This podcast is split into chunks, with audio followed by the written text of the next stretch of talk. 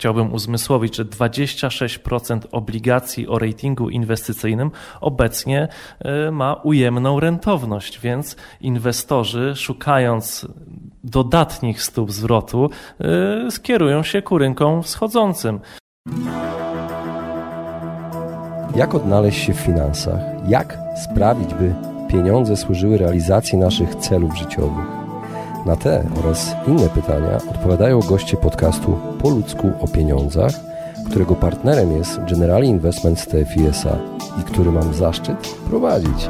Nazywam się Radosław Budnicki, na co dzień prowadzę podcast Lepiej Teraz i nie jestem internetowym guru zarabiania, Rozmawiam tylko po ludzku o pieniądzach z ekspertami, którzy zrozumiałym językiem tłumaczą zawiłości finansów i to, jak sprawić, by pieniądze nam służyły, a nie nami rządziły. Serdecznie zapraszam.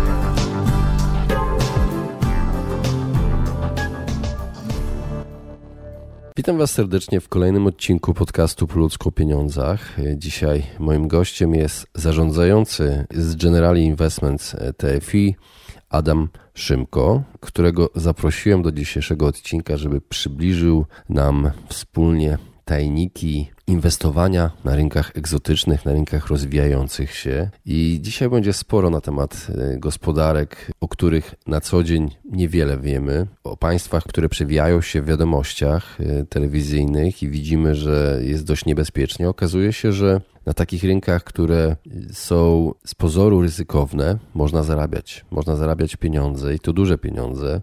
A jakie pieniądze i w jaki sposób zarabiać? Na których rynkach? Jakimi instrumentami warto się zainteresować? O tym wszystkim opowie Adam. Także serdecznie Was zapraszam do wysłuchania tego odcinka. Cześć Adam. Cześć. Witam Cię serdecznie w podcaście Po ludzku o pieniądzach. Chciałbym dzisiaj z Tobą porozmawiać o inwestowaniu inwestowaniu nietypowym, bo inwestowaniu w rynki egzotyczne. I na początek chciałbym, żebyś powiedział słuchaczom, kim jesteś, czym się na co dzień zawodowo zajmujesz. Nazywam się Adam Szymko, jestem trzeci rok w Generali Investments TFI, co jest trochę taką aberracją, jeśli chodzi o naszą firmę, bo są tutaj zarządzający, którzy pracują 20 lat, 15 lat. Ja tutaj zostałem zatrudniony względnie niedawno, a Zatrudniono mnie po to, żebym zbudował know-how, taką wiedzę dotyczącą e, rynków e, wschodzących i głównie nimi się, się zajmuję.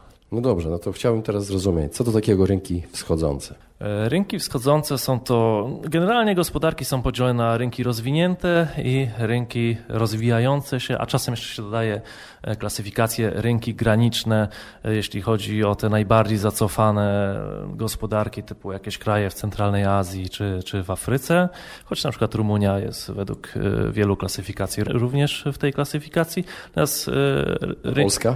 No Polska jest już takim emerging market, taką gospodarką schodzącą, która już w niektórych akcyjnych klasyfikacjach nawet do rynków rozwiniętych jest zaliczana, tych developed markets. Ale w każdym razie na tych rynkach one charakteryzują się wyższym potencjałem e, wzrostu dzięki tak zwanemu zjawisku konwergencji, czyli te bardziej zapóźnione gospodarki w, w, w kategoriach procentowych, względnych mają po prostu większą przestrzeń do, do wzrostu, a my jako E, zarządzający funduszem inwestycyjnym. Na, na tych wzrostach e, chcemy, chcemy zarabiać, żeby procentowo te stopy zwrotu dla klienta były jak, naj, najwyższe. No tak, czyli ta wolutalność tych, tych wykresów jest na pewno większa. Tak, zmienność, zmienność jest na nich bardzo wysoka i e, również ryzyko polityczne się tutaj materializuje w różny sposób, tak jak na przykład mieliśmy w Arabii Saudyjskiej niedawno atak dronów e, na rafinerię Aramco, Aramco tak, od strony jemeńskich Hutsi, prawdopodobnie wspieranych przez Iran. Także takie różne nieprzewidywalne zdarzenia potrafią mieć wpływ zarówno na zmienność, jak i na na taki entry point, czyli na moment wejścia w tą inwestycję, kiedy ona, kiedy mimo, że to jest oderwane od fundamentów gospodarczych, to chwilowo jest taki stres na rynku, gdzie aktywa są chwilowo po bardziej atrakcyjnych cenach wyceniane i wtedy właśnie na tych rynkach schodzących często tego typu sytuacje następują. To teraz zaskoczę Cię pytaniem. Czy Ruanda jest rynkiem wschodzącym? Rwanda? Tak. Tak, jest, nawet uplasowane ma obligacje i dość ładnie dała w tym roku zarobić. Przy czym no to dość e, mały kraj, więc i w kategoriach absolutnych ten dług nie jest e, zbyt duży, ale tam bardzo ciekawe story gospodarcze jest, tam tak. wiele reform przeprowadzono makroekonomicznych, gospodarczych, także może jeśli będzie jakaś kolejna emisja ich, ich obligacji, to się przyjrzymy. Słyszałem, że prezydent Paul Kagame, on tam stara się zrobić Szwajcarię Afryki z Rwandy. Tak, to już od... Fascynuje mnie ten człowiek po prostu, dlatego tak zapytałem. Przepraszam za, za tą dygresję. Wietnam, jak z Wietnamem? Y, on podobno teraz zaczyna powoli, y, bo był trochę zapóźniony w stosunku do innych tygrysów azjatyckich, tak? Znaczy Wietnam jest o tyle ciekawym rynkiem, że e, ogólnie cała Azja Środkowo-Wschodnia cały ten rok była mocno wrażliwa na kwestie tego dealu, tego trade warsów, czyli wojen handlowych między Trumpem a Chinami i Wietnam oraz Tajlandia e, są gospodarkami najmniej wrażliwymi w tym, w tym regionie e, na te trade warsy. No i Tajlandia w tym roku jest jednym z, na, z najlepiej zachowujących się rynków obligacji i, i walut. Wietnam to niestety jest operacyjnie dość mały rynek, y, więc tutaj na rynku obligacji nie był taką gwiazdą, jak, jak była Tajlandia. Y, egzotyka. Czy Hongkong jest uznawany za wschodzący? Bo on jest, y, wydaje mi się, taką stabilną gospodarką już, a tu nagle pojawiły się polityczne zawieruchy. To, co jest ciekawe w Hongkongu, że to zależy od klasyfikacji. Generalnie mm, Hongkong jest akurat małym rynkiem, jego waluta jest, mało kto potrafi nią zahandlować. E, chociaż my akurat potrafimy, ale tutaj bardziej ciekawe od strony Hongkongu jest e, notowania spółek takich jak Louis Vuitton, bo okazuje się, że po prostu istotny e, odsetek ich przychodów, tych najbardziej luksusowych firm świata pochodzi między innymi z tych lotnisk, na przykład w Hongkongu, gdzie ludzie bez cła chcą, chcą kupić ich towary luksusowe, więc jak się zaczęły te zawieruchy w Hongkongu, no to na rynku akcji mocno te luksusowe marki dostały. No domyślałem się pamiętam e, z Russell Peters chyba miał właśnie takie, e, takie stand-upy na temat Chińczyków, którzy szaleją za tymi torebkami Louis Vuitton. Dobrze, Adam, e, jak zainteresowałeś się tymi, tymi dalekimi rynkami? Znaczy, powiem wprost, to bardziej moja firma się, się zainteresowała i w, między innymi w tym celu mnie zatrudniono, abym zbudował kompetencje w tym zakresie, ponieważ my byliśmy wcześniej mm, zwróceni ku Europie Środkowo-Wschodniej i byłym republikom radzieckim, ale w dobie tak niskich rentowności, a częstokroć ujemnych, chciałbym uzmysłowić, że 26% obligacji o ratingu inwestycyjnym obecnie y, ma ujemną rentowność, więc inwestorzy szukając dodatnich stóp zwrotu y, skierują się ku rynkom wschodzącym, które no, są coraz większe y, w dobie tych ujemnych stóp procentowych. Nawet kraje, które mają nadwyżki budżetowe, takie jak Katar czy Emirat Abu Dhabi, również emitowały y, obligacje w tym przypadku w, w dolarze. Na przykład Katar 12 miliardów dolarów wyemitował w obligacjach, Abu Dhabi 10 miliardów. Mimo, że mają nadwyżki budżetowe, to po prostu chcą skorzystać z tych super niskich stóp procentowych, a my jako inwestorzy instytucjonalni chcemy partycypować e, w tym. Miałem do Ciebie pytanie, co jest z nich takiego pociągającego, ale chyba odpowiedziałeś już na to pytanie, mówiąc, że są duże stopy zwrotu. Tak, duże stopy zwrotu i również e, ja przyznam szczerze, osobiście patrzę na rynek obligacji bardziej na, jak na łamigłówkę, aniżeli coś, co da się policzyć, skalkulować wszystko jako taką usystematyzowaną całość. Nie, to jest łamigłówka, puzzle i tutaj oprócz e, patrzenia na wskaźniki makroekonomiczne muszę, e, muszę rozumieć, jaka jest narracja makroekonomiczna na danej gospodarce, ale też jaki jest system polityczny, jaki jest cały kontekst geopolityczny. Analiza fundamentalna jest stosowana przez tak, Ciebie. No, przykład techniczna też? Techniczna nie, nie, co najwyżej na walutach, ale też niektórych, tylko tych, które charakteryzują się wysoką e, wrażliwością, jak na przykład rand południowoafrykański. On często e, chodzi zgodnie z sentymentem do ryzykownych e, klas aktywów, także techniczna to, to bardziej tylko na tym randzie południowoafrykańskim, ale no tak, to, to fundamenty i taka relacja oczekiwanej stopy zwrotu do, do ryzyka, które no, nie zawsze da się skalkulować, ale jako ludzie jesteśmy w stanie zarządzający je, je wyczuć. Powiedz, na których rynkach teraz jest modnie inwestować? Niewątpliwym hitem w tym, w tym roku to była Rosja i Meksyk. Dlaczego? Rosja jako kraj z nadwyżką na rachunku obrotów bieżących wysoką realną stopą procentową, a więc realna stopa procentowa to różnica między nominalnymi stopami procentowymi w kraju, a stopą inflacji, gdzie w dobie, tak jak wspomniałem wcześniej, ujemnych stóp procentowych również in, stopy inflacji w wielu krajach są dodatnie, a przy niskich stopach procentowych, gdy ta różnica jest, jest ujemna, to mamy do czynienia z ujemną realną stopą procentową i wiele krajów, nawet tych wschodzących, ma ujemną stopę procentową. Polska ma, Węgry mają. I właśnie Rosja ma dodatnią, Meksyk ma dodatnią, stąd między innymi są, są ciekawymi rynkami, były, były hitami w, w tym roku. Meksyk ma również poprawiający się e, saldo rachunków obrotów bieżących. Kraje te charakteryzują się wysokimi rezerwami do zapotrzebowania na finansowanie zewnętrzne e, w walutach obcych, a w przypadku Rosji jeszcze ceny surowców e, pomogły, niskie bezrobocie. Czy nie jest to takie No i jeszcze ryzyko polityczne sankcji zostało zdematerializowane w pierwszej połowie roku. Znaczy ono po prostu zniknęło, mówiąc bardziej po ludzku. Mówimy o sankcjach wobec Rosji. Tak, sankcji wobec Rosji, co, co też spowodowało, że jeszcze bardziej pozytywnie zaczęliśmy patrzeć na ten rynek. No i, cały, no i dlatego Rosja, Meksyk w tym roku były kluczowymi tak zwanymi outperformerami, czyli e, zachowywały się ich rynki e, zarówno walut, jak i obligacji lepiej niż, niż innych krajów. Outperformer, tak, tak się nazywa. Tak. Dobrze, zapamiętam. Trudne słowo. Czy według Ciebie słuchacze po ludzku o pieniądzach powinni zainteresować się inwestowaniem na tych rynkach, które słabo znają. Znaczy tutaj tych rynków jest tak wiele, że tutaj ciężko je, je, je, dobrze znać e, z perspektywy takiego przeciętnego e, Kowalskiego, bardziej, bardziej jako dywersyfikacja, a więc e, element portfela, element majątku danego człowieka, który ma być mniej zależny od wahań koniunktury na rynkach akcji i innych składowych portfela, to, to wtedy takie rynki wschodzące są, są bardzo atrakcyjnym takim nośnikiem tej, tej dywersyfikacji. Ja mam do Ciebie pytanie. Ktoś przychodzi do Generali i mówi, że interesuje go portfel składający się właśnie z instrumentów inwestujących w te rynki, bo on jest takim, można powiedzieć, człowiekiem, który lubi ryzyko. Czy możecie spełnić te, takie oczekiwania? Możemy mu zaoferować e, konkretne na, nasze fundusze inwestycyjne. Mamy na przykład jeden fundusz, który inwestuje tylko w Europie Środkowo-Wschodniej i byłych republikach radzieckich, nazywa się Generali Obligacje Nowa Europa, a drugi, który inwestuje zarówno na tych rynkach, jak i na wszystkich pozostałych rynkach wschodzących, nazywa się Generali Obligacje Globalne Rynki Wschodzące i trafił od w czerwcu do, do, do sprzedaży.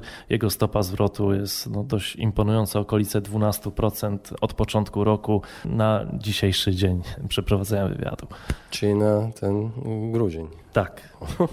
Niesamowite. Co jak na obligacje no jest bardzo interesującą stopą zwrotu, ale no trzeba mieć świadomość, że, że rynki wschodzące są ryzykowne, minimalny horyzont inwestycyjny to jest dwa lata. No właśnie, jak, jak inwestować tam, żeby nie wtopić? Jak, jak znaleźć pewniaka można? Czy nie da się?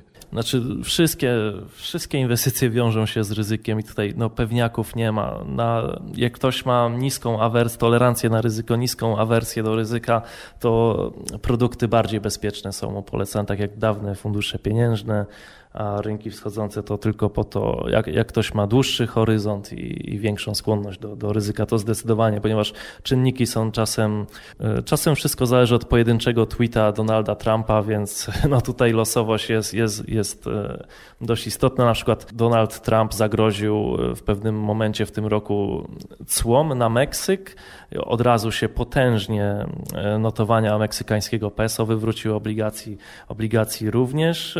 Po paru dniach stwierdził, że jednak Meksyk pomaga w budowie muru, więc zrobił więcej dla Stanów niż Partia Demokratyczna i już wtedy Meksyk znowu e, powrócił, powrócił do łask, mimo że e, tak naprawdę na gruncie stabilności makroekonomicznej wiele się w tym Meksyku przez to nie, nie, nie zmieniło. Ja słyszałem, że te kraje właśnie rozwijające się starają się dewaluować swoją walutę i to trochę denerwuje Trumpa, tak? No, no, dobrze rozumiem? E, tak, teraz ma w Ameryce Łacińskiej. E, Argentyna chyba. Tak, tak. W przypadku Argentyny tam kurs walutowy mocno, mocno się załamał. Kraj ten przeżywa duży spadek zaufania inwestorów, bo obecnie partia, która, która wygrała wybory, zapowiada, że nie spłaci obligacji, które wy wyemitowała, bo, bo po co, skoro... Taki populizm. Tak, lud argentyński chce żyć. No ten kraj już w swojej historii zbankrutował wiele razy, teraz średnio co, co 12 lat bank, bankrutuje.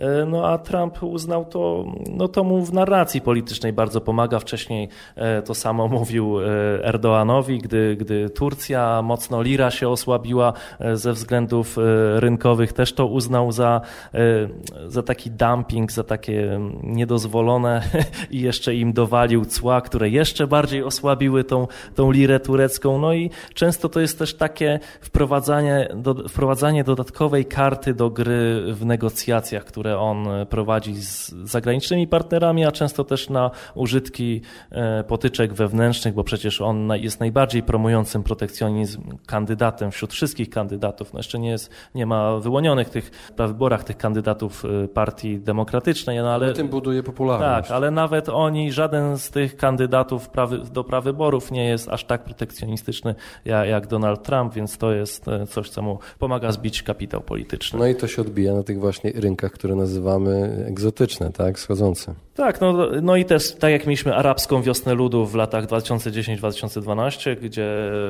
wszystko było przez wysokie ceny żywności spowodowane, tak teraz w Ameryce Łacińskiej mamy bardzo skorelowaną falę protestów. Ekwador, Chile, Boliwia, Kolumbia, wcześniej Peru i tutaj akurat nie ma takiego jednego czynnika, który to spowodowało, bo w Chile to była podwyżka cen biletów na metro, w Ekwadorze to było obniżenie e, subsydiów do, do paliwa. I... W Libanie jeszcze coś była, jakaś podwyżka, pamiętam. No, w Libanie też, w, Egipcie e, też, e, też obniżono, tam były największe subsydia do benzyny na, e, na, na, całym świecie, nawet bardziej niż, niż Wenezuela według niektórych źródeł. No i to w Ameryce Łacińskiej się jakoś tak w jednym czasie to wszystko zbiegło, że o tę dyscyplinę fiskalną wszystkie te kraje mocniej zaczęły dbać, no i prze, przez to te protesty wybuchły w, jednym, w jednej chwili, ale my dostrzegamy, że wśród tych krajów Ameryki Łacińskiej Meksyk dalej dalej na poziomie fundamentalnym wygląda dobrze, a w przypadku Chile tam jeden z najmniej zadłużonych krajów emerging markets, gdy tylko te protesty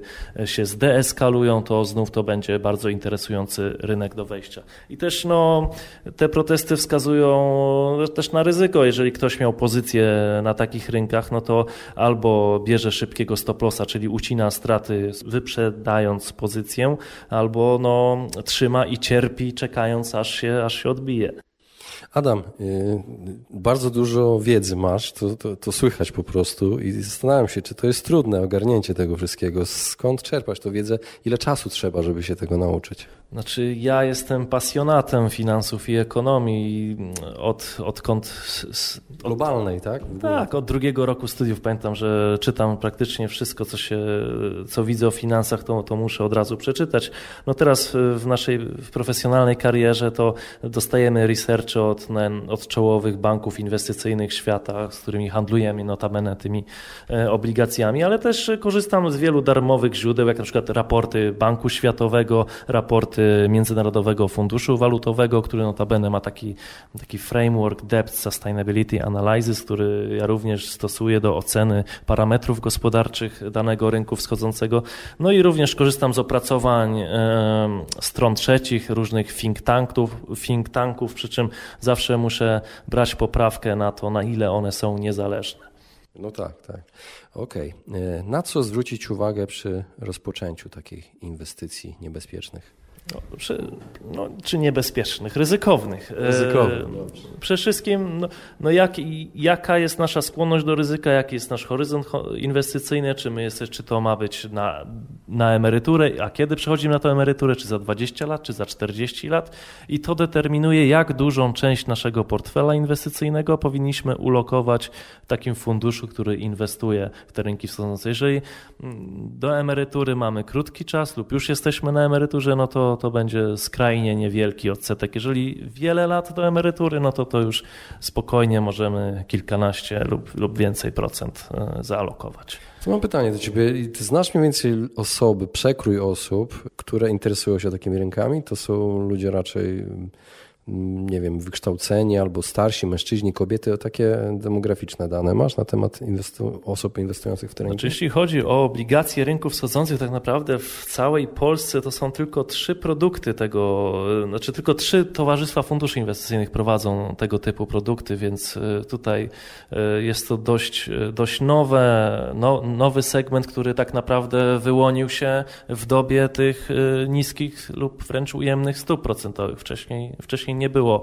e, aż, aż takiego pola i zapotrzebowania na, na inwestowanie w ten segment. Dobrze, jakimi instrumentami warto się zainteresować wchodząc w te rynki? Znaczy w przypadku inwestora indywidualnego to on nawet nie jest w stanie kupić takiej pojedynczej e, obligacji, dajmy na to Brazylii, ponieważ jest ona przedmiotem obrotu tylko i wyłącznie na rynku międzybankowym, gdzie tylko inwestorzy instytucjonalni mają do niego dostęp, a taki tak zwany minimal piece, czyli minimalny skrawek tej obligacji, jaki mogą kupić, to jest nominał 200 tysięcy dolarów, przy czym chodzą te obligacje na dodatek z premią, bo były emitowane w czasie wysokich kuponów, gdy stopy procentowe były dużo wyższe, z premią, czyli po na przykład 150% nominału, czyli już te 150% razy 200 tysięcy dolarów, no to już się robi ładne kilkaset tysięcy dolarów, co w złotych jest no już ponad milion,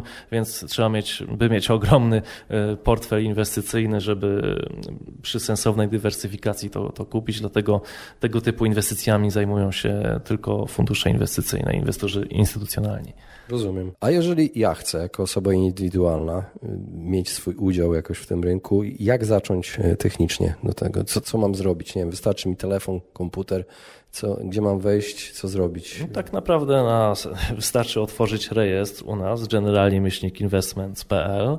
Zakładając rejestr można wybrać, e, jakie fundusze chcemy, chcemy kupić naszego towarzystwa. No i wśród nich jest Generali Obligacje Nowa Europa, gdzie minimalna wpłata to jest 100 zł i Generali Obligacje Globalne Rynki Wschodzące, gdzie dla inwestora detalicznego jest to pierwsza wpłata minimum równowartość 40 tysięcy euro. Czyli trzeba mieć minimum 40 tysięcy tysięcy euro. Tak, tak to niestety wygląda, ponieważ e, w tym konkretnym przypadku fundusz ma tak zwane limity funduszu inwestycyjnego zamkniętego i ustawodawca e, przewidział ta, taki wymóg po prostu, że, że skoro tak, to tylko tacy bardziej majętni lub doświadczeni inwestorzy mają wstęp do takich, e, do takich inwestycji.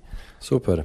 Adam, wszystko to brzmi bardzo ekscytująco. Powiem Ci szczerze, zainteresowałeś mnie, osobiście zainteresowałeś mnie teraz. Przyjrzę się temu bliżej. Mam nadzieję, że słuchaczom też się spodobało to, co Adam mówił. Adam, bardzo Ci dziękuję za rozmowę. Dziękuję bardzo.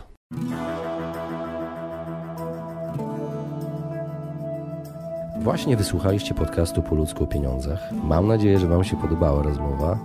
Jeżeli Wam się podobała, poświęćcie swój czas, proszę, by pozostawić swoją recenzję na iTunes. Jeżeli macie pytania lub e, propozycje dotyczące kolejnych audycji, piszcie do mnie na fanpage'u Po ludzku o pieniądzach i do usłyszenia w następnym razem.